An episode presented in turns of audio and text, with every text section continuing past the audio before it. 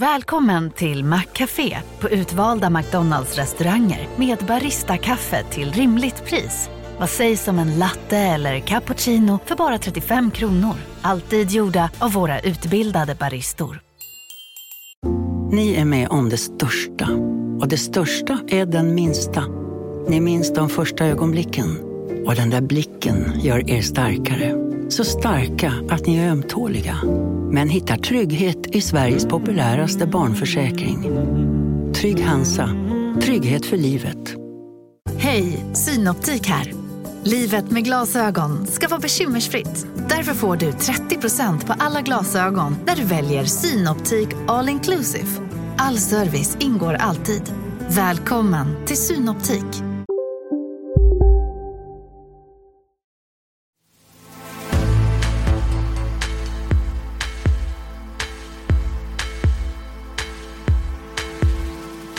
Så gäller det elprisstödet. Pengarna till privatpersoner kommer att betalas ut i februari. Hushållens ekonomi ska räddas i god tid före jul.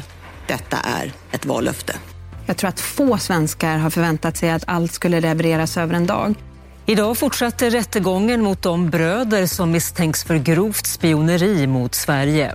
Bägge männen nekar till alla anklagelser. Det är ganska begränsat vad försvaret kan säga i den öppna delen. Och därför så är det jätteviktigt att, att de försöker, vilket är svårt naturligtvis, men att isolera sig från det som rapporteras. SCBs stora partisympatiundersökning visar att alla partier i regeringsunderlaget backar.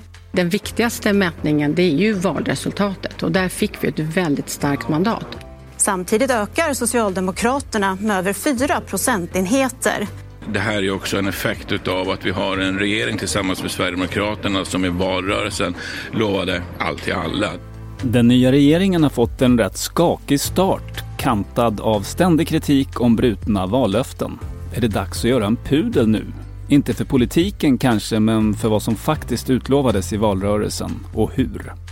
Opinionssiffrorna antyder möjligen det. I SCBs stora novembermätning backar regeringskonstellationen kraftigt samtidigt som Socialdemokraterna är tillbaka nästan på Göran Persson-nivåer. Hur kan regeringen vända den trenden? Och Sverige tycks vara under spionattack under de senaste veckorna har detta fått stor uppmärksamhet. Först med det spektakulära gripandet av ett ryskt par och sen med rättegången mot de två bröder som står åtalade för grovt spioneri som inleddes i veckan. Men hur starka är statens bevis? Huvudsakligen kring de ämnena ska samtalet kretsa i denna veckopanel. Vi programledar mikrofonen idag, Jörgen Wittfeldt. Varmt välkomna att lyssna. Och panelen idag består av inga mindre än Inga-Britt Ahlenius, tidigare ämbetsman i staten, bland annat som tidigare chef för Riksrevisionsverket och dessutom undergeneralsekreterare för FNs internrevision. Välkommen! Tack så mycket! Stefan Stern, kommunikationsansvarig på Nordstjärnan och rådgivare vid Wallenberg, Wallenberg Foundations. Välkommen du också. Tackar. Och Enna Gerin, opinionsskribent bland annat i Flamman och Aftonbladet samt biträdande chef för fackliga tankesmedjan Katalys. Det stämmer va? Ja, Välkommen. tack. tack. Ja, hur har ni det så här i den mörkaste av årstider, Inga-Britt? Ja, huvudsak bra måste jag säga. Du gillar vintern? Ja, om det, har, om det är snö som det var för en vecka så tycker jag det är jättehärligt. Nu är det lite deprimerande för det är så mörkt. Mm, det var just det jag menade. Vad säger du Stefan? Mörkret? Nej, men jag håller med om det. Det är ju inte en av Sveriges stora fördelar, mm. de här mörka perioderna. Och dessutom är det ju en ganska mörk värld parallellt med det. Så att, mm. Men jag mår bra. Trevligt. Tack. Och Anna, går du all in på advent och jul eller förhåller du dig lite mer kallsinnig? Nej men eh, jag tycker ändå december är ändå mysigt med hela jul och adventsfirandena och nu har jag ett småbarn hemma så då har vi blivit extra engagerade i det här med att pynta upp hemma. Mm. Någon som gläder sig lite extra. Om vi ska ta oss in i matchen då med veckans första kortämne vi dricker allt mindre alkohol i Sverige, men 65-plussarna dricker allt mer och det är ett trendbrott. Enligt den här rapporten som har tagits fram på uppdrag av Systembolaget eh, dricker de äldre faktiskt 30 procent mer alkohol än vad de gjorde 2004. Ökningen förklaras framför allt av att kvinnor i åldersgruppen dricker mer. Deras konsumtion har ökat med hela 46 procent medan de äldre männens har gått upp med 17 procent. Vad tror ni att det här beror på? Vad tror du Inga-Britt? Jag tror att det beror på att eh, de, de äldre har det bra. Eh, så det här är ett hälsotecken alltså? Ja, i viss mån. Därför att vi, vi, undersökningar säger ju också att de dricker inte starksprit och, och dricker snaps till maten utan man dricker ju vin och man dricker ofta och i små mängder. Det låter som man går ut på eftermiddagen och så sätter man sig på kaféet och så dricker man ett glas vitt vin. Jag tycker det är ett sundhetstecken och visar på vitalitet och att man har en frihet när man går i pension. Är eh, hela panelen överens om att det här är minsann inga problem? Nej men medielogiken gör ju att man gärna vill ha en larmrapport trots att det här är positiva nyheter. Ungdomar dricker mindre och precis som Inga-Britt säger här så eh, vad står det i rapporten, sex gånger per månad så tar sig seniorerna ett glas vin eller så. Fast i mindre mängder i förhållande, förhåll, förhållande till så att säga, den här spritkulturen som fanns här uppe i norr tidigare. Så det är ju, det är ju positivt. Jag tror att det återspeglar också att Även de som, vi, vi har ju längre och friskare liv, men även de som blir lite omsorgsberoende har ju fått möjligheter på särskilda boenden att faktiskt bestämma lite mer själva. Om man är van att eh, ta ett glas vin till maten så får man göra det. Så att eh, jag håller med, det här, är, det här är en positiv rapport. Emma? Ja, nej men eh, jag tänker också att det inte är så att de började liksom dricka mer när de gick över pensionsåldern utan det är väl en generation som har druckit mer som nu tar med sig sin vana in i pensionsåldern. Eh, Det jag tyckte också var lite intressant med den här rapporten det är ju att yngre, att eh, alkoholkonsumtionen går ner så mycket och just det här att forskarna inte riktigt har ehm, eh, förstått eh, varför Mm. eh, och har förklaringar till det. Så att ehm, det, det blir spännande att se om de kan få tag på några sådana förklaringar framöver. Ja, det verkar inte som att, som jag liksom slentrianmässigt trodde att de knarkar istället. För det var ju de som använder narkotika, de dricker också alkohol. Så Mm. det, det var inte det som var förklaringen. Så att vad är förklaringen? Nej, Teorier? Ja, men, eh, jag, hörde forskaren i eh, Aktuell som, som nämnde att det kan ha att göra med att man bor längre hemma hos sina föräldrar eh, och, och inte kan få en bostad. Eh, men eh, jag tänker också att sådana här säga, bara teorier och hypoteser kan också ha att göra med, med de nya sociala medierna och att man, eh, alla människor går runt med en kamera och kan filma en. Jag tror faktiskt att det gör att man, ungdomar är lite mer försiktiga för att nu om man om man liksom blir riktigt full och gör något dumt så kanske det hamnar uppe på TikTok eller sprids till alla eh, i, i hela skolan via olika sociala medier dagen efter. Så jag tror att man lägger lite band på sig. Intressant och kanske inte helt och hållet entydigt positivt då tänker jag. Men eh, det får stå för mig som man brukar säga. Partiledarstriden i Centern hårdnar med två månader kvar till den extra stämman där Annie Lööfs efterträdare ska väljas. I veckan gick ungdomsförbundet och Centerstudenterna ut till stöd för Elisabeth Tand Ringqvist, en av de tre eh, kandidaterna. Enna, blir det hon? Alltså jag, jag har faktiskt ingen aning om vem det blir. Så här djupt insyltad i Centerns inre liv är jag tyvärr inte.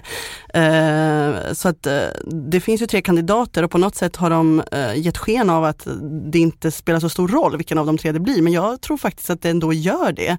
Eh, jag tror om man bara ser på hur mycket Annie Lööfs person och hennes vägval har format partiet under hennes tid så förstår man nog att partiledaren har mycket inflytande. Så att jag tror att det spelar roll vem det blir. Jag Mm. vet inte vem det blir. Nej, vad säger Stefan? Eh, Hur stor roll spelar det vem som leder ett sådant parti? Jo, men det spelar ju roll. Eh, vi hade ett block nu, ett slags högerblock som vann valet, trots att Centern ju har förflyttat ungefär 6 eller 8 procent av riksdagsmandaten över till det andra blocket.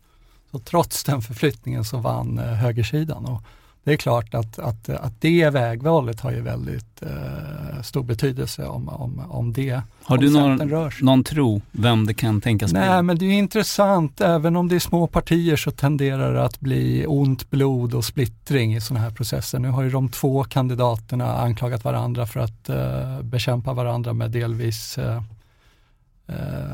lite negativa medel och då seglar ju den här Mörre, Mörre Demirok upp som Mm. en tredje kandidat. Och vem vet, det här kanske ger utrymme för Helene Lindahl att eh, dyka upp lagom till stämman. Därför att det här är ju eh, det här är ju valberedningens tre kandidater. Mm. Men eh, det mer korrekta är ju att vem som helst fram till ett visst klockslag på stämman kan ju kandidera. Så det är klart att det är spännande men eh, allting tyder ju på, tror jag ändå, att det, att det blir någon av de två som har varit favoriter. Från... Kombatanterna, eh, alltså Bäckström eller Tandringqvist. Mm. Har du någon avvikande uppfattning eller något att tillägga? Inget? Nej, egentligen inte, men jag skulle vilja säga att det spelar en särskilt stor roll för Centerpartiet just nu vem som blir partiledare eftersom partiledaren spelar så stor roll. Därför att Centern har ju bakom sig en period där man komplett, nästan komplett har bytt eh, väljarunderlag. Man har tappat sin kontakt Eh, Eh, med sin pragmatiska del och tappat alla väljare, så många väljare ute i, i landsbygden eller ute utanför Stockholm. Och eh, man har ju bakom sig då en period där man har dvälts eller dvals i den tunna luften med värdefrågor och nästan varit inriktad på identitetspolitik.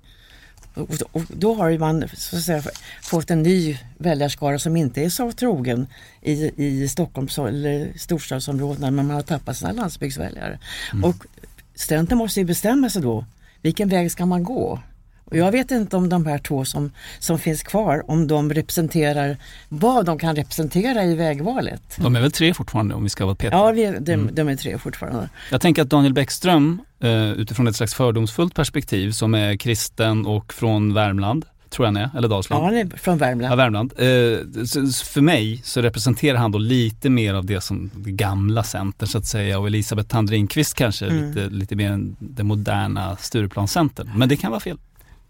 Jag känner inte kandidaterna närmare, jag kan bara se, uh, prata om vad jag har sett. Och Bäckström då, han, han förkroppsligar på något sätt det gamla Fälldin och, och idealet. Medan det, uh, uh, vad heter Elisabeth Tand Ringqvist. Tand Ringqvist. Ja, i min mening skulle hon passa bättre som verkställande direktör i ett stort företag än att vara partiledare. Man saknar det som man måste ha tror jag som politiskt engagerad och som, som ledare av ett parti, en politisk passion på något sätt. Vem vet, den kanske lurar där under den, den vd-putsade ytan. Eh, vi får ge oss till tåls två månader till. Eh, vidare till det sista kortämnet då och det handlar om en av de nya, eh, ytterligare får man väl säga, sakerna som den nya regeringen vill förbjuda.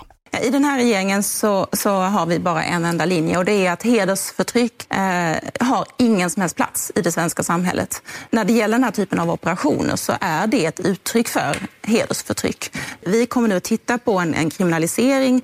Eh, det är en utredning som, som ska vara klar i juli nästa år sa jämställdhetsminister Paulina Brandberg eh, till SVTs Aktuellt. Och det handlar alltså om huruvida så kallade oskuldsoperationer ska förbjudas, vilket eh, hon då propagerar för. Eh, vad säger panelen? om vi börjar med Stefan. Nej, men min grundprincip eh, är egentligen en slags självägande skap, att man får göra vad som helst som individ med sin kropp så länge det eh, stämmer överens med det man vill.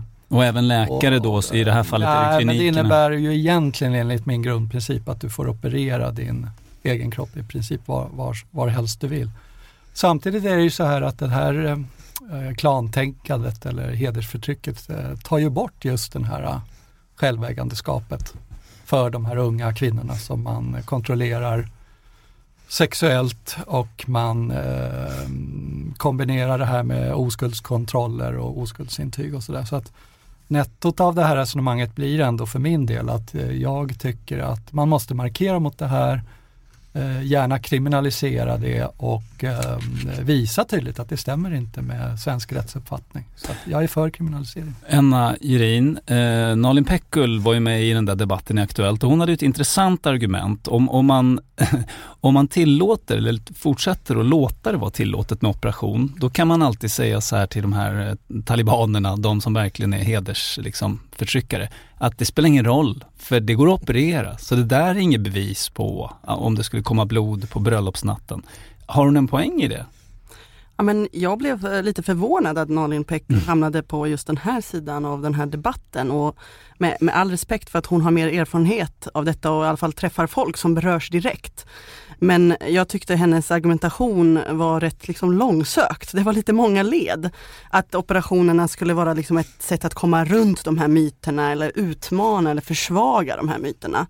Jag tycker snarare att de liksom legitimerar och upprätthåller de här oskuldsmyterna. Och jag tycker liksom inte att vårdresurser ska läggas på sådana här liksom ovetenskapliga myter. Eh, så att, eh, ja, jag håller inte med eh, henne där. Du håller med regeringen, för, förbjud det? Ja. Okej, okay. Inga-Britt, har du någon avvikande uppfattning? Nej, jag håller helt och hållet med vad Stefan och Enna säger. Alltså att jag är också bakom att man ska förbjuda det här.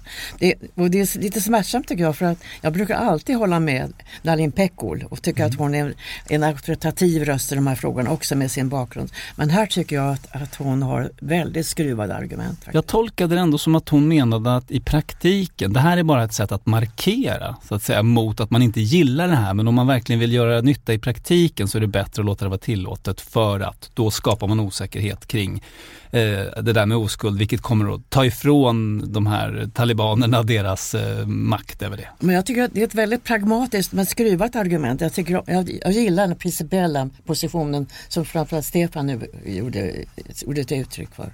Mm. Ja, vi, eh, vi konstaterar att panelen var enig med jämställdhetsministern i den här frågan.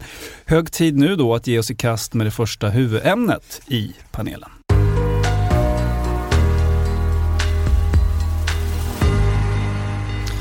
I veckan presenterade regeringen det elprisstöd som var utlovat till november. Men det, men det blev inte det högkostnadsskydd som det talades om i valrörelsen där alla elkonsumenter skulle kunna få ett garanterat högsta pris för sin el framåt. Istället valde man en modell där konsumenterna kompenseras utifrån de utgifter de har haft tidigare. Och inte heller kommer pengarna före jul utan först i februari om inget oförutsett inträffar, som näringsminister och energiminister Ebba Busch brasklappade hos Anders Holmberg i SVTs 30 minuter där hon fick det ganska hett om öronen. Du, vi har pratat nu om högkostnadsskyddet, vi har pratat om bränslepriserna. De som ser det som att ni inte har hållit de här vallöftena som ni ställde ut, vad säger du till dem? Jag tror att få svenskar har förväntat sig att allt skulle levereras över en dag. Det var väl den här vintern det skulle ske, högkostnadsskyddet till exempel? Ja, det kommer ju nu som Fast ett har du sagt att det kom inte den modell som ni Nej, det kom, utlovade. det kom en bättre modell. Och jag tror att svenska Bränslepriserna folket... skulle ske nu. Givet... Så de som uppfattar, men min fråga var, de som uppfattar det som att det här, ni har inte fullföljt era ni har inte levt upp till era, val, era vallöften. Vad säger du till dem? Fast jag, jag tror ju på att det faktiskt går att ha en dialog med, med sina medborgare. Jag tror att förtroendevalda makthavare behöver lyssna på sin befolkning. Det är svenska folket som har gett mig det mandat som jag har idag. Mm. Ja, Anna Gerin, är Ebba Busch och den övriga regeringen förtjänta av allt skäll som den får utstå nu?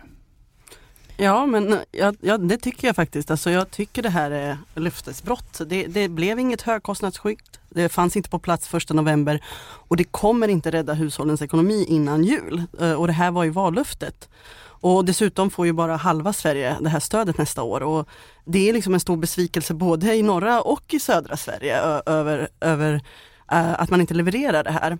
Och jag vill säga att, att bryta vallöften på det här liksom flagranta sättet, Alltså både när det gäller sänkta bensinpriser och högkostnadsskyddet för elpriserna. Det är faktiskt liksom rätt så ovanligt i svensk politik. Eh, forskning har visat att svenska politiker oftast håller sina vallöften. Och en anledning till det är att vallöften oftast formuleras vagt. Så att det finns ett eh, större tolkningsutrymme. Och det Kristersson och Busch och Åkesson gjorde nu i, i, i valspurten, det var att de gav väldigt konkreta, prissatta och tidssatta vallöften eh, som man då direkt efter valet inte kunde hålla. Så jag tror det är därför det blir en så stor sak eh, av det här. Eh, att det är så, så tydliga på något sätt mm. vallöftesbrott. Stefan Stern, eh, håller du med Anna till att börja med? Nej, men det nya som har hänt är väl att vi har en regering som har majoritet eller med ett stödparti, tre, trepartiregering med ett stödparti som faktiskt har majoritet och då förväntar man sig ju att det som sägs av regeringen inte är något allmänt utspel som sen ska hacka sönder och ändras i riksdagen utan det som gäller gäller och det ökar ju också kraven. Det vanliga under den begångna, den, den åttaårsperiod vi har bakom oss är ju att, att regeringen har sagt någonting och så har det blivit någonting helt annat. Både innan valet, det var marknadshyror skulle inte införas och så blev det någon form av marknadshyresöverenskommelse och så skulle man eh, höja skatten på höga inkomsttagare och så tog man bort värnskatten och så vidare. Och det var ju inte samma debatt då. Så att det fundamentalt nya som har hänt är att man nu förväntar sig att regeringen levererar det man säger. Och det är ju någonting bra egentligen. För att den har möjlighet att faktiskt ja, göra det? och det är, ju, det är ju viktigt och bra för Sverige att vi, att vi får tydlighet. Sen kan man alltid diskutera om, om eh, modellen är inte då eh, på plats första november utan, utan den ändras ju då så att man får återbäring från de här flaskhalsavgifterna som har betalats i södra Sverige och då går det tillbaks till södra Sverige och sen så stimulerar man inte elkonsumtion då som i, som i vallöftet utan nu får man för, för el som tidigare har förbrukats. Så man skapar incitament att spara framåt Ja. och det är väl kanske bra då? Ja, jag har svårt att bli upp, upprörd på det eh, måste jag säga. Utan den här regeringen har ju fått mandat för kärnkraften, tydliga steg på vägen, minska kriminaliteten och, och vill jag säga, eh, skulle jag säga i alla fall, den tredje är ju att, att lotsa Sverige in i NATO. Det är det man kommer mätas på. Mm, Inte okej. exakt hur det här stödet blir. Eh, Inga-Britt, eh, jag blev förvånad måste jag säga när jag hörde att de här 40 örena som man lyckades åstadkomma på bränslepriset, det kostade ändå något i storleksordningen 6,6 miljarder i budgeten i uteblivna skatter och vad det nu var. Eh, det betyder ju att det här löftet som utfärdades då, eller de olika löftena som handlade om 5 och 10 kronor och så, det var ju två försvarsbudgetar. Eh, förstod folk det? Förstod politikerna ens det? Det, det verkade ju som de inte hade förstått det när man gav löftet, det måste jag säga. Jag, jag tycker ju att, att det, så är det ett löftesbrott. Men det intressanta är ju också som Stefan säger att den, och även Enna påpekar att det, det är ju ett löftesbrott mot de klara och precisa löften som man har givit. Per första november och före jul ska hushållen bli kompenserade etc. Så man, man, man gillrade ju en fälla för sig själv kan man säga. Mm. Men när, det verkar ändå som allmänheten på något sätt tar det ganska lugnt för jag ser inte på sociala medier att Ebba Busch blir, blev hudflängd för intervjun i, eh, med i 30 minuter. Och när det gäller modellen så tycker jag att den är ju, så, med min bakgrund i Finansdepartementet, den är ju så mycket bättre än den som man gick till val på. Så där håller du med? Ja, det håller jag verkligen med. Jag tänker vi kan väl ändå lyssna på, eh, jag, jag använde samma exempel som 30 minuter gjorde, delvis av lathet, men då kan vi ändå höra hur Ebba Busch eh, uttryckte sig i valrörelsen, så får vi höra just hur tidsatta och konkreta de här löftena faktiskt var kring bränsle och elprisstöd. Vi är beredda att göra vad helst som krävs. Våra fyra partier är överens om att möta upp detta med högkostnadsskydd. Vi kommer inte offra svenska folket på de rödgrönas altare. Ja, men det är en fullkomligt ohållbar situation för så många svenskar, så många hushåll, så många företagare, inte minst lantbrukare och åkerinäring. Nu vill vi sänka priset med 9 kronor liter vid pump för diesel, 5 kronor för bensinen och för då lantbrukare och åkerinäring 9 kronor litern. Och det här kan vi göra nu. Det här kan vi göra nu, menade Ebba Busch och, och nu blev ju då 40 öre eller något i den stilen. Enna, eh, Stefan är ju inne på att det här kommer ändå inte att spela någon roll om ett tag. Det är andra frågor som regeringen kommer att utvärderas på. Håller du med om det? Alltså, det är långt till nästa val så på det sättet är det ju rätt att det här kommer väldigt tidigt och att man har lång tid på sig att liksom reparera och vinna tillbaka förtroendet. Sen finns ju, men eh, samtidigt kan ju liksom oppositionen som har hittills varit väldigt effektiv på att lyfta fram de här löftesbrotten, de kan ju sätta en bild av regeringen som ja, populistisk eller liksom opålitlig eller oseriös när man, när man eh, som, som eh, det sa, gillrar den här fällan för sig själv eh, genom att lova så här mycket innan valet och sen direkt efter inte kunna leverera. Så att om man sätter den här bilden och lyckas upprätthålla med den här bilden så kan ju de, de, den fortsätta med in längre djupare i mandatperioden. Så det kan, det kan vara någonting som återupprepas efter partiledardebatt efter partiledardebatt. Stefan Stern, eh, hur tror du, du som har ändå jobbat nära eh, liksom, politiken på det sättet, hur tror du att de tänkte när de, när de kom med de här väldigt konkreta och tidsatta löftena? Nej, men det fanns ju egentligen två berättelser från den vinnande sidan i, i valrörelsen. Den ena var ju att det finns några områden där staten måste vara stark och det är där man typiskt sett har våldsmonopolet. Alltså om kriminaliteten växer så måste staten eh, ordna det samhällsproblemet och om, om vi är hotade i Europa av, av ett krig i vår närhet så måste vi ordna Eh, ett starkt försvar. Eh, där staten eh, måste vara stark, kärnstaten måste leverera. Och där fick man ju tydligt mandat, man vann valet. Sen gav man sig in i en annan sorts berättelse och tävling och det handlade om att staten ska kompensera medborgare på livets alla områden där det uppstår problem. genom till exempel att elpriser skjuter i höjden genom att man har avvecklat eh, eltillförsel eller, eller det är ett eh, krig i Europa som, som driver upp eh, elpriserna. Och det där vinner man ju inte på mm. om man är den borgerliga sidan. Utan man vinner det första, men ger man sig in och ska tävla om att staten ska ge allting till alla i livets olika skeden så förlorar man. Och det är det vi ser nu, det är en läropeng. Eh, de hade vunnit valet på den mycket starkare berättelsen.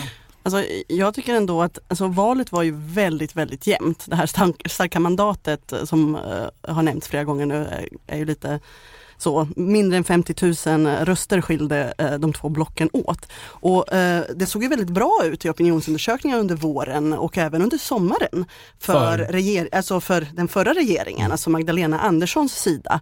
Eh, utan det som skedde var ju, skiftet skedde ju där i valspurten i augusti-september och det var ju de höga elpriserna som på något sätt i slutändan avgjorde det här. Så jag skulle säga att eh, i det här jämna valet så var det plånboksfrågorna eh, de sista veckorna som, som fällde avgörandet. Och, da, och där fick vi en jättemärklig dynamik för att Magdalena Andersson hon var ju så ansvarsfull att hon ville inte ens ge några vallöften. Mm. Hon pratade om att man kan inte ge vallöften, hon skulle ge valmålsättningar. Mm. Eh, så vi hade en extrem åt det hållet som inte ens ville, ville ge några vallöften samtidigt som vi hade eh, den högerkonservativa sidan med Bush och Kristersson och, och, och, Åkesson som, som gav väldigt liksom populistiska eh, plånboksluften. Eh, och jag tror att det kan ha avgjort till och med Det kan det kanske ha gjort, men politiska förståsigpåare brukar jag alltid säga att det, Socialdemokraterna, de är bäst på en sak och det är att göra vad som krävs för att vinna, så att säga. Eh, här för ju du fram en alternativ teori att de borgerliga, de var så skrupellösa eller skrupelfria att de var beredda att hitta på vad som helst bara för att få makten medan Socialdemokraterna, de spelade innanför linjerna ja. och fint och enligt reglerna sådär. Ska vi tro på det? Ja, alltså, så såg jag det. Alltså, jag var väldigt förvånad över, över den här väldigt passiva och defensiva eh, eh strategin som Socialdemokraterna hade och, och jag tänkte verkligen på det de här sista veckorna. Du kan ju inte mm. gå in i en valspurt och, liksom, eh, och säga att du inte kan lova något och, och, och, indirekt ge sken av att du inte kan göra något eller inte vill göra något eller eh, in, så. Mm. Eh, så, att, så att de framställde ju sig själva som mycket mer handlingskraftiga med de här eh, vallöftena och vilket jag tror eh, de, de gynnades av. Tror du det Inga-Britt? Ja, socialdemokratin i valrörelsen var ju hämmad av att man hade inte något underlag för en regeringspolitik. I själva verket så vill man ju väldigt tydligt distansera sig både, både från Miljöpartiet och från Vänsterpartiet. Och så var det då Centern eventuellt. Det fanns ingen koalition som skulle kunna stå bakom eh, konkreta vallöften från socialdemokratin. Det var ju deras dilemma och det var väl därför som man valde strategin att inte gå till val på ett program. Man hade i själva verket inget program. Utan man gick till val på att lansera Magdalena Andersson som en erfaren och eh, eh, god ledare för partiet och, och, som regeringschef i en period där Sverige har väldigt stora problem, och internt och externt. Det är lätt att glömma bort det nu eh, när, vi, när vi sitter med den regering vi gör. Men det var ju på vippen att det funkade faktiskt. Så då ja. hade ju berättelsen varit en helt annan. Frågan är ju hur, det, hur socialdemokratin då hade kunnat formera sin regering. Det är ju en hypotetisk fråga. Ja, det fick vi aldrig se riktigt. Men, men det här sättet att bedriva valrörelse som vi pratar om nu då, då om, om jag ska vulgärtolka så kanske några av de borgerliga partierna tänkte att ja, ja, det där tar vi sen. Nu ska vi vinna eh, och då kanske vi lovar lite runt och håller lite tunt kan det ha effekter på längre sikt som är dåliga tror du? Ja, det, det tror jag. Så att man måste distansera sig tydligt från, från den här typen av, av vallöften eller den här typen av retorik. Det tror jag verkligen. För det, det fläckar ju den polit, eh, politikens anseende. Mm. Och det, det föder, föder ju medborgarnas eh, ska vi säga, misstroende mot eh, politiken och på, på de politiska partierna. Stefan Stern, tror du att det påverkar eller tror du att väljarna, du, du, var, du var inne på, tror jag att det var du va? Att väljarna verkar inte så upprörda över det här. Nej, men det här agendan kring elpriserna den eh, kommer ju leva kvar framförallt som en agenda kring energifrågan. Mm. Och den absolut starkaste valfrågan i, i valrörelsen, både vad gäller elpriser och det som kommer leva kvar inför nästa valrörelse, det är ju eh, kärnkraften. Det var ju det som, som de borgerliga vann på. Och eh, också anklagelsen mot S att ha avvecklat fullt fungerande planerbar el. Eh, och inte underhållit. Och, och inte underhållit. För nu hörde vi att Ringhals 4 var det ska vara stängt mm. i, i, några månader till här. Det kommer ja. bli en svettig vinter om den blir kall. Absolut, så att, så att det här rymmer ju inför den här fyraårsperioden en, en giftpil in i S också. Därför att om de eh, driver en, eh, en missnöjeskampanj på svikna vallöften, då eh, ser vi i nästa steg vad som hände i valrörelsen, nämligen att de ändrade Big Mac har miljarder fans över hela världen. Under mer än 50 år har den skapat popkulturell historia. En legend med 100% nötkött och den mytomspunna såsen. Nu finns Big Mac för bara 39 kronor på McDonalds. Hej Sverige! Apoteket finns här för dig och alla du tycker om. Nu hittar du extra bra pris på massor av produkter hos oss. Allt för att du ska må bra. Välkommen till oss på Apoteket. Hörni, gänget! Vad är vårt motto? Allt är inte som du tror! Nej, allt är inte alltid som du tror. Nu täcker vårt nät 99,3 procent av Sveriges befolkning baserat på röstteckning och folkbokföringsadress. Ta reda på mer på 3.se eller i din 3-butik. De här valkompasserna, miljontals mm. människor får ju sin information kring de här valkompasserna som finns på eh, medieplattformar och så vidare. Och där ändrade de från att de var negativa till ny kärnkraft till att de var positiva till ny kärnkraft. Bara för att förtydliga, de, Socialdemokraterna framförde till de medier som gör valkompasserna att vi står numera för det här. Ja, Visst var det så? Ja, och nu är det ganska tyst om det vallöftet. Så att om, om det här blir en valperiod om svikna vallöften mm. och kärnkraftsfrågan kommer garanterat leva vidare, vilket inte elpriskompensationen i början av en mandatperiod gör, då har de ju byggt in ett, en egen problematik. Mm. Så det bästa de kan göra är förstås att gå ut och säga det vi sa i valet kring kärnkraften, det gäller framåt. Anna, vilken är din tolkning? Var står Socialdemokraterna när det gäller kärnkraften? Hur, det har varit lite fram och lite tillbaka. Ja, det var ju en av de här frågorna som högern var väldigt skickliga på att liksom kidnappa hela klimatfrågan och få den att handla om kärnkraft, vilket de gynnades av för de har mycket högre förtroende där. Och eh, som jag har skrivit också i Katalys valanalys så, så präglades Socialdemokraternas eh, eh valrörelse och kampanj och strategi väldigt mycket av det här defensiva spelet, att man hela tiden skulle neutralisera de, de frågor som högern eh, har högt förtroende i. Så att, och kärnkraften var ju en sån. Eh, även skatterna, man var väldigt defensiv i fördelningspolitik och skatter, man var defensiv i kärnkraften. Man försökte lägga sig då nära eh, eh högern, eh, men också i de eh, frågorna som ja, migration och eh, brottslighet och segregation och så. så att, eh, problemet med den strategin är ju lite det som eh, Stefan nämner här, eh, är ju att man då sitter med högerns liksom, lösningar i knät när man anammar uh, deras, deras liksom, lösningar på olika problem. Uh, vilket jag är rätt så kritisk till. Uh, jag ska vara ärlig, jag, jag, jag, tycker inte Socialdemokraterna har en så jättetydlig position där än. Mm. Det, de måste liksom sätta ner foten kring den här frågan. Om vi vidgar perspektivet lite så brukar man ju säga att när ett parti sitter i regering som Socialdemokraterna gjorde i två mandatperioder så blir det svårt med politikutvecklingen. Man fastnar i liksom regerandet. Pågår det nu något sånt skarpt utvecklande av den socialdemokratiska oppositionen eh, som kan komma med något nytt en ny position eller någonting som känns eh, offensivt och framtidsinriktat, tror du? Alltså så här kort efter valet, nej det har ju mest känts som att S famlar i sin nya oppositionsroll och försöker mm. hitta eh, sin nya roll i, i det här nya politiska läget. Eh, och jag har lite oroväckande liksom tendenser att, att man inte riktigt kommer satsa på policyutveckling och så. Eh, Tobias Baudin blev intervjuad i ETC nu i oktober där han eh, stängde den dörren och sa vi valde vår politik på kongressen och den ligger fast. Ah. Och när man gjorde sin budget nu så gick man ju bara vidare med den politiken man hade gått till val på. Man behöll sina tre prioriterade områden och man byggde budgeten utifrån det man gick till val på.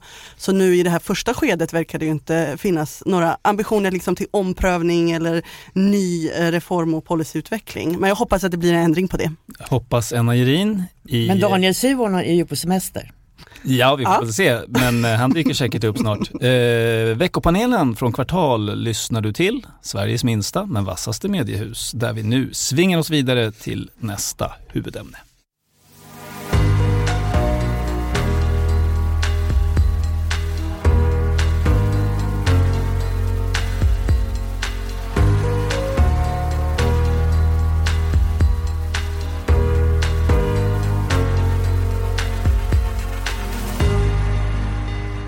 Vi hänger oss i viss mån kvar i samma härad dock, nämligen det inrikespolitiska. För i veckan nu så kom SCBs stora partisympatimätning. Den presenteras två gånger om året, i maj och november. Och den här novembermätningen är den första efter valet och därför kanske lite extra intressant. Den visar att regeringspartierna idag har blott 46 procent av väljarna bakom sig medan oppositionen har 52 procent.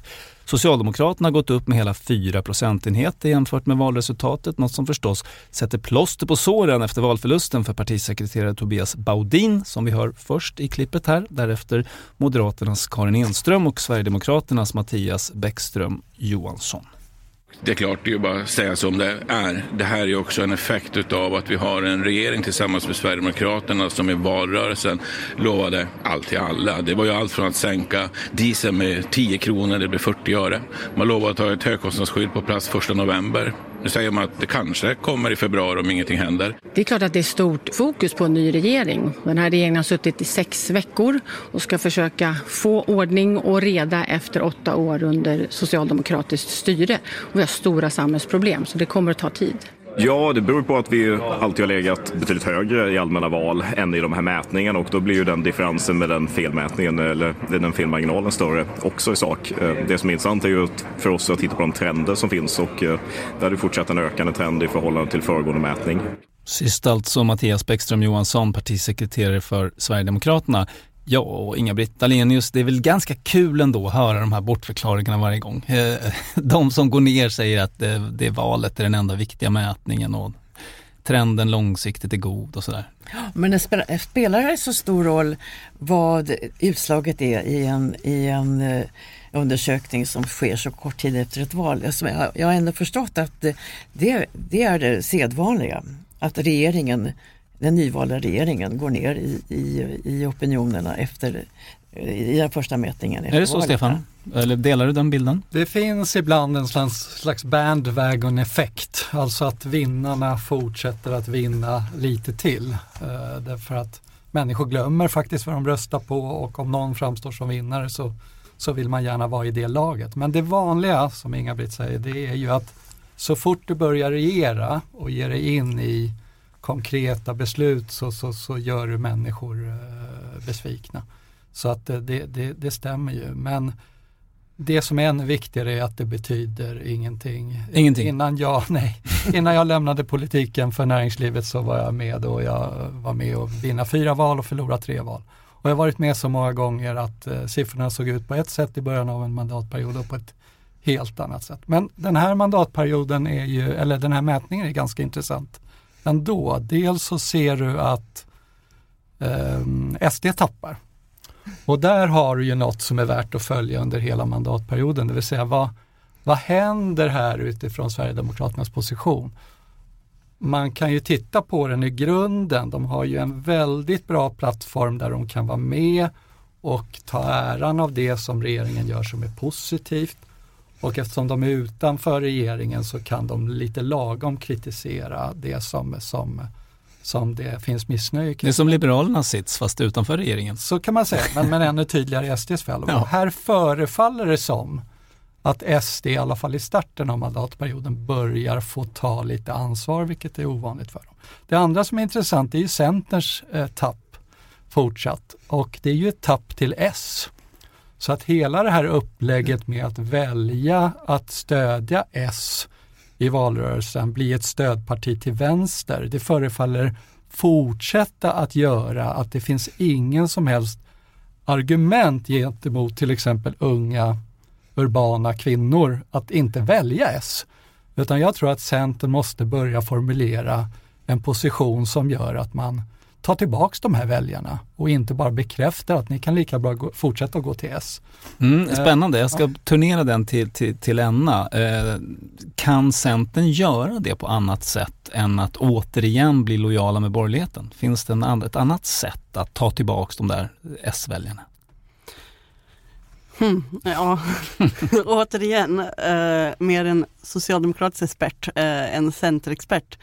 Eh, jag tror att det, det var väldigt tydligt också i valet att, att ehm, man slogs om samma slags väljargrupper, vilket vi också varit kritiska mot till exempel Socialdemokraterna, att man eh, riktade in sig på storstadsväljare, välutbildade, eh, de som är skeptiska till SD, egentligen liberala marginalväljare eh, eh, som egentligen Miljöpartiet och då Annie Lööf och Centern eh, också jagade. Så det var ju otroligt eh, misstag att, att man liksom eh, kannibaliserade på varandras väljargrupper istället för att eh, på något sätt koordinera sig och eh, satsa på en bredare koalition av väljare för att få ihop den här majoriteten.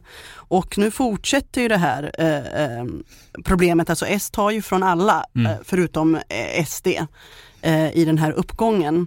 Men jag tänker, om jag bara får bara stanna det där, de försökte väl ändå med det i viss mån, att de försökte att hetsa mot Liberalernas potentiella väljare, jag måste säga, hela tiden hålla upp Sverigedemokratspöket så att säga. Mm. Det uppfattade jag som en strategi för att få in dem till Centern eller Socialdemokraterna. Ja, men det, det, var ju så att de mobiliserade, Socialdemokraterna mobiliserade ju, gjorde den här starka SD-konfrontationen och gjorde SD till sin huvudfiende. Mm. Och huvudkonflikten i valspurten blev mellan Socialdemokraterna och Sverigedemokraterna och det var ju egentligen de enda två partierna som gick kraftigt fram i det här mm. valet. För att, för att där du har en konflikt i politiken, där mobiliseras väljare för man, man är tvungen att ta ställning. Ja, men vems, vems lag är jag på? Vems sida väljer jag? Eh, och, så att, och, och, och, den här strategin, SD-konfrontationen, den funkade ju mycket bättre på den välutbildade medelklassen för S än den gjorde på den kanske rurala arbetarklassen. Mm. Eh, där SD istället eh, mobiliserade väljare eh, i den här huvudkonflikten mellan, om man ska säga, goda S och onda SD eller som man försökte eh, få upp det. Och, och, så att det var ju en del i jakten på de här liberala marginalväljarna, eh, vilket också gjorde att man dammsög eh, Miljöpartiet och Centerpartiet och även då L om man kollar på nettoflödena mm. eh, i valen. Så även liberala, det funkade ju i den mån. Så att mm. ibland brukar jag säga, ja men de hade en valstrategi och jagade de här liberala marginalväljarna och de lyckades ju. De gick ju fram mm. i de kommuner där äh, inkomsterna är högre, där äh, utbildningsnivån är högre. De vann slaget men förlorade kriget kanske ja. man kan säga. Inga-Britt, vad är dina allmänna reflektioner då, kring ja. att Socialdemokraterna går framåt så starkt och Sverigedemokraterna tappar? Nej, jag tycker det, det är tydligt att Socialdemokraterna vinner på grund av regeringens löftesbrott. En annan iakttagelse tycker jag är det att, att inga sverigedemokrater går tillbaka till Socialdemokraterna. Så det är uppseendeväckande för annars är det strömmar mellan alla andra partier. Men, men Socialdemokraterna har inte lyckats vinna tillbaka sina arbetarväljare som har gått till Sverigedemokraterna. Och vad tror du det beror på? Då? Jag vet inte, det är väl det att Socialdemokraterna har varit otydliga i de frågor som, som är, strategiska för, för svensk utveckling, nämligen energifrågan, försvaret och, eh, och eh, kriminaliteten kanske inte minst. Jag, jag vill bara lägga till där att, att uh, det finns ju den här, Vänsterpartiet försökte ju sig på det här på något sätt när Nooshi Dadgostar satte på sig uh, den här industrihjälmen och mm. åkte ut i bruksorterna och i, ibland så tänkte jag under den här valrörelsen att uh, det har blivit liksom upp och ner, alla jagar fel väljare. Det var, liksom, det var ju Magdalena Andersson som skulle satt på sig en industrihjälm och åkt till bruksorterna mm. och mobiliserat arbetarklassen. Och sen kunde hon ha låtit Nooshi Dadgostar ta, ta välutbildade vänstermänniskor i storstäderna och ta förorterna. Eh, Haga och Midsommarkransen. Ja, och Centerpartiet och kunde ha tagit de här eh, liberala eh, mm. marginalväljarna som, som inte ville rösta på Liberalerna på grund av SD. Så det, det, det, blev alla jagade liksom fel väljare. Det finns en väldigt rolig sketch i Herr talman med Nooshi med bygghjälm som jag rekommenderar alla att titta på eh, som en parentes. Men, men Inga-Britt, det här eh, blir ju lite intressant med med Eh, att Socialdemokraterna gör så bra ifrån sig fast de inte kanske har gjort så mycket. Hur tycker du att Magdalena Andersson då som vi har högt förtroende eh, är vinnare för Socialdemokraterna så att säga. Eh, hur har hon hittat in i den nya oppositionsrollen? Hon hann ju knappt bli varm i kläderna som statsminister. Alltså för att vara uppriktig så är inte jag så säker på ens att hon kommer att stanna under den här, under den här mandatperioden. Vad får dig att tro det? Jag tror inte att hon är en passionerad politiker. Hon har ju i huvudsak sin bakgrund som ämbetsman och hon har varit en bra, varit en bra skattedirektör som har varit finansminister. Men jag ser inte henne med den karisma eller den utstrålning som man som krävs faktiskt för att leda ett parti, särskilt om man sitter i opposition. Men kan hon inte drivas av sånt som socialdemokrater historiskt har drivits mycket av, nämligen ansvar och plikt och sånt? Jo, det ska vara ansvar och plikt, men man måste själv också vara genomsyrad av tanke på att man, man att man är passionerat intresserad av att, att leda det här partiet. Jag ser inte henne som, som en passionerad ledare, lika lite som jag ser den här Tand som en passionerad ledare för Centerpartiet. Mm, eh, Stefan, eh, nog verkade hon ändå trivas med att vara Sveriges första kvinnliga statsminister? Ja, det var tio månader men det var historiskt. Mm. Och det är klart, tänker hon bara på sig själv så mm. ska väl det vara historieskrivningen därför att om man tittar på svenska val, det vanliga är att en regering får alltid avsluta det den har påbörjat. Så att du sitter inte bara fyra år utan du sitter åtta år. Och när Magdalena Andersson, om hon ens gör det, går till val nästa gång så har ju den där perioden av tio månaders kvinnlig statsministerskap eh, eh, fejdat eh, iväg och det blir snarare ytterligare en valförlust då som, som troligen blir, eh, om man tittar på det historiska eh, mönstret, troligen blir effekten då. Så att, så att Gör hon som Inga-Britt här förutspår, att hon skaffar sig ett internationellt uppdrag på något sätt i mitten av den här mandatperioden så, så, så får hon förmodligen en, en, en, en bättre historieskrivning personligen. Jag tror att, och jag har varit med också, det är väldigt trist och långsamt och långtråkigt att sitta i opposition. Så att eh, vi får se hur många av dem överhuvudtaget nu i ledarskapet inom S som, som eh, är kvar. Jag tror absolut inte på, på den här teorin. Alltså Magdalena Andersson, eh, hon eh, hon var ju eh, väldigt alert eh, i opposition där mot Anders Borg när hon vann. Eh, och jag tror hon drivs både av den här plikt och ansvarskänslan gentemot partiet. Hon har ju bara suttit inte ens ett år, eller? Mm. Eh, så hon valdes in på kongressen och, ehm, och den här regeringen är ju väldigt svag, det glömmer vi ju bort ibland. Eh, alltså den är helt beroende av SDs mandat i riksdagen. Och regeringspartierna, L, KD och M har alltså färre mandat än Socialdemokraterna själva i riksdagen. Så att det finns en otrolig möjlighet att driva opposition eh, här de här fyra åren. Så jag, jag tror absolut att hon kommer sitta kvar och att man kommer satsa på att ta tillbaka regeringsmakten. Mm. Eh, och, och, det man måste också komma ihåg var ju att Socialdemokraterna efter, efter åtta år eh, i liksom väldigt skakiga eh, minoritetsregeringar lyckades ändå gå fram i det här valet och göra ett så bra val och nästan ta hem det här för en tredje gång. Mm.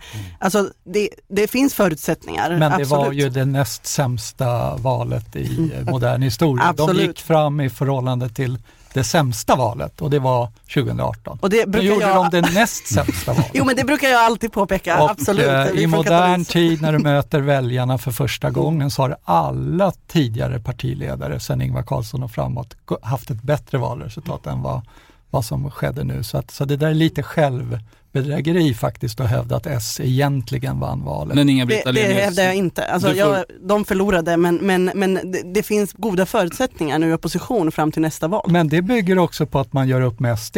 Så där bär det också ett frö av eh, problematik här för att man gjorde precis som du säger Anna, den här valrörelsen till en folkomröstning egentligen om Sverigedemokraterna. Men det sätt som man kan eh, få framgång i, i, i riksdagen nu för egen politik, det bygger på det som man nu har sagt efter valet att man ska göra. Man lägger fram sina förslag och sen så välkomnar man alla som röstar på, på det förslaget, inklusive SD. Och man har också sagt att om SD lägger fram klockrena S-förslag som det finns kongressbeslut på, så kommer man alltså rösta på SDs förslag i riksdagen. Det vill säga, det är ju en mjuk eh, vägledning, guidning till SD att leta nu i kongresshandlingarna som S har och titta där det inte är särskilt stor initial budgetpåverkan så kommer de alltså bli legitimerade på det sättet att S kommer att rösta på dem. Så att Mm. Alla den här, allt den här framgången som, som då kan hända under fyra år bygger ju in massa nya problem, nämligen bland annat att man bryter mot sin egen starka Vi ska lämna inrikespolitiken nu och ge oss eh, på nästa huvudämne. Det här är ju ett ärende som är unikt på väldigt många sätt. Ett liknande mål har inte varit för handen i Sverige på över 20 år. Rätten och dess ledamöter kommer idag att få en insyn i material som eh, väldigt, väldigt få personer i det här landet har sett eller har tillgång till. Så lät det när kammaråklagare Mats Ljungqvist inledde rättegången mot de två bröder som står åtalade för grovt spioneri. I den här rättegången har vi redan upplevt en del ovanliga inslag, vittnen som bara framträder med ett nummer istället för ett namn, bevis som är hemliga för alla utom åklagaren, rättens ledamöter och de tilltalade och deras försvarare. Inga-Britt Ahlenius, eh, vad ska man säga om det här ärendet? Går det ens att bedöma för en utomstående? Det tror jag inte. Utan det bygger ju på att allmänheten har tillit och förtroende för hur de eh, svenska institutionerna fungerar, inklusive rättsväsendet. Och att man även accepterar att det är lyckta dörrar, stängda dörrar i en sån här viktig eh, rättegång. Har du det förtroendet? Ja, jag har det förtroendet fortfarande. Mm. Eh, det verkar ju vara väldigt jobbigt att vara försvarare. Alltså de kan inte använda medierna på samma sätt som de normalt sett kan för att väcka sympati för sin klient och den information som eventuellt tyder på att de här bröderna är oskyldiga är också svår att komma ut med. Är det ett problem i någon mån? Ja, i, i- i så fall tycker jag det är ett, ett problem som man kan leva med. Är det inte så att, eh, att de här försvarsadvokaterna kanske haft alldeles för stor tillgång till, till media för att driva sina frågor? Så kan det vara. Så kan det vara. Men det är ju en del av spelets regler trots allt. Eh, Men inte just det här spelet då. Stefan Stern, eh, vad tänker du om det här ärendet? Det är ju ändå ganska unikt som åklagaren säger. Vi har inte haft något liknande på 20 år. Nej, men skadan på Sverige ligger ju i att informationen då har kommit ut till främmande makt. Och skulle man då bedriva rättegången på ett sådant sätt att alla ska ha tillgång till den här informationen, då blir skadan ännu större. Så det är helt... Så att det ligger i sakens natur så att säga. Däremot så, eh, det finns problem med svensk rättsväsende.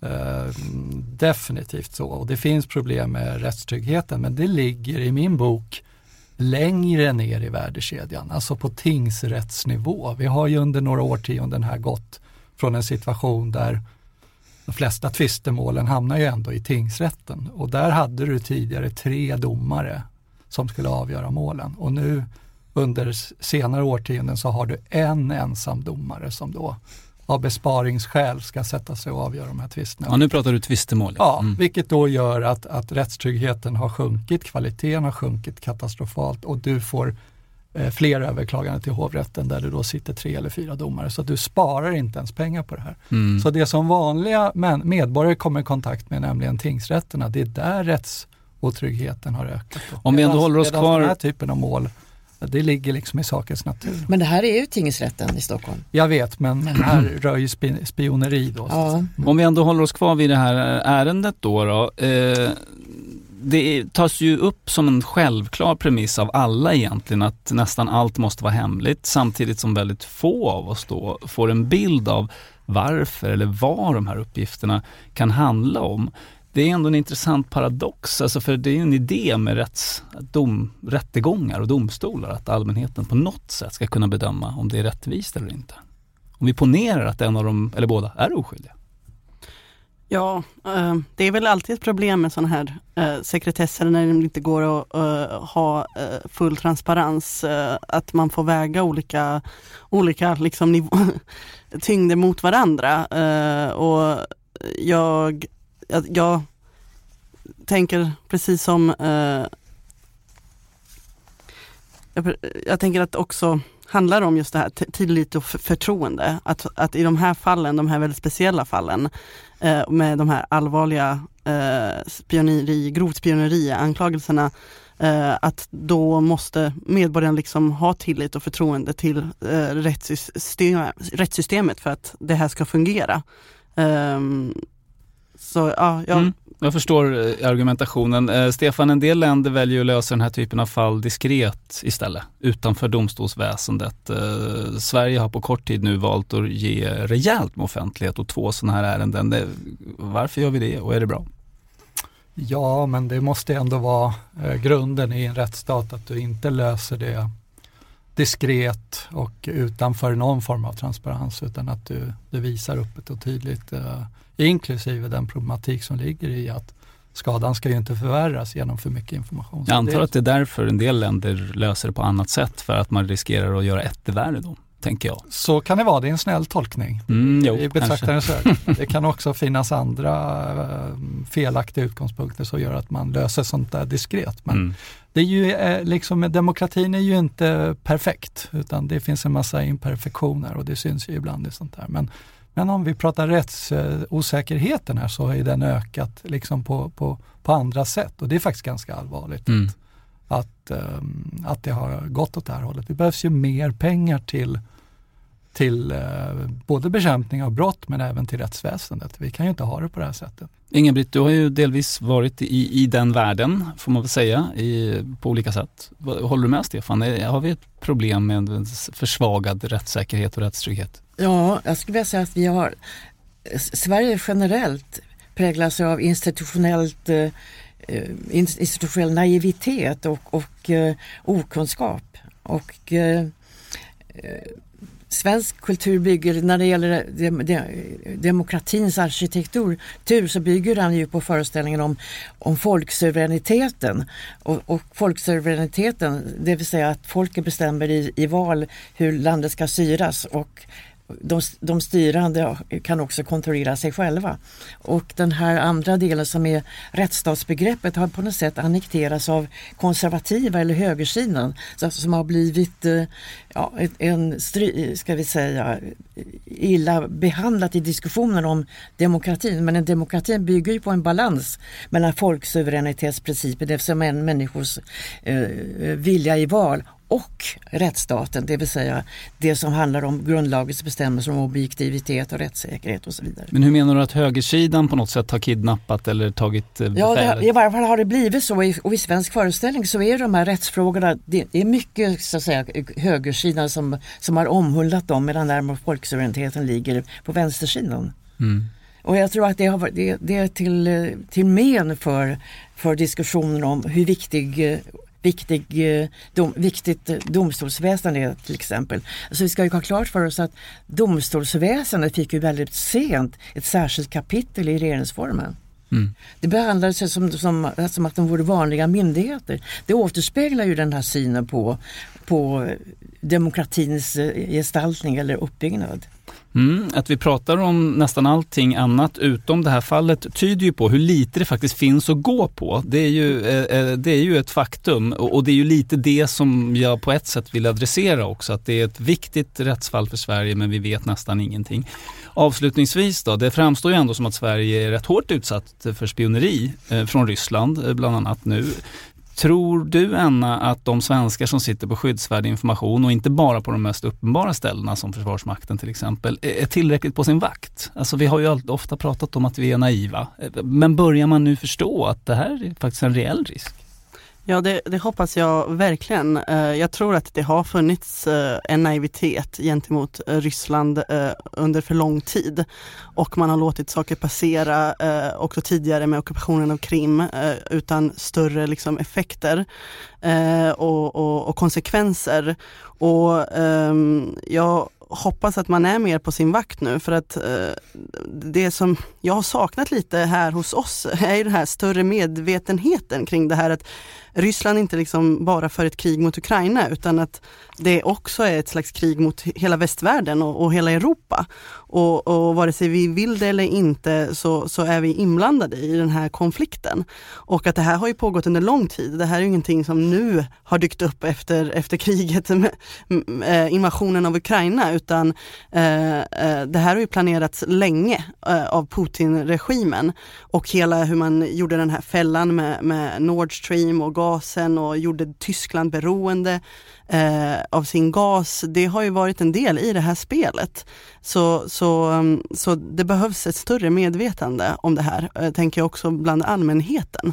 Eh, att det här är inte ett krig som bara pågår någonstans mm. där borta utan att vi eh, i högsta grad är inblandade i den här, i den här konflikten som, som Putin för mot västvärlden. Har man en gammal KGB-officer som president i ett grannland så kanske man kan förvänta sig att just den typen av verksamhet växer så som den har gjort. Mm. Det här är veckopanelen från Kvartal som fortsätter ett tag till men från och med nu bara för dig som eh, prenumererar. I segmentet som kommer nu, som vi kallar det sista ämnet, ska vi prata om varför svenska kriminella som är efterlysta för grova brott gömmer sig i Turkiet och varför Sverige har så svårt att få hit dem. Vi hinner också med veckans person, ord eller citat innan ridån slutligt går ner. Men det är alltså för dig som prenumererar. Och vill du bli prenumerant så hittar du våra prenumerationserbjudanden på kvartal.se prenumerera.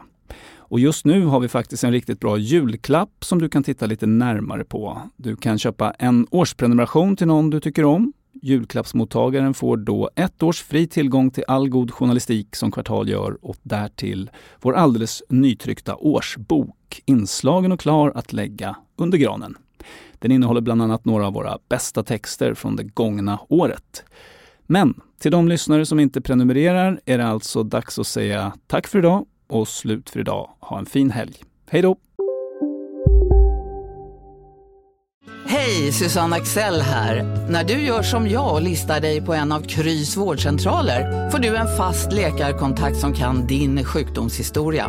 Du får träffa erfarna specialister, tillgång till lättakuten och så kan du chatta med vårdpersonalen. Så gör ditt viktigaste val idag, lista dig hos Kry.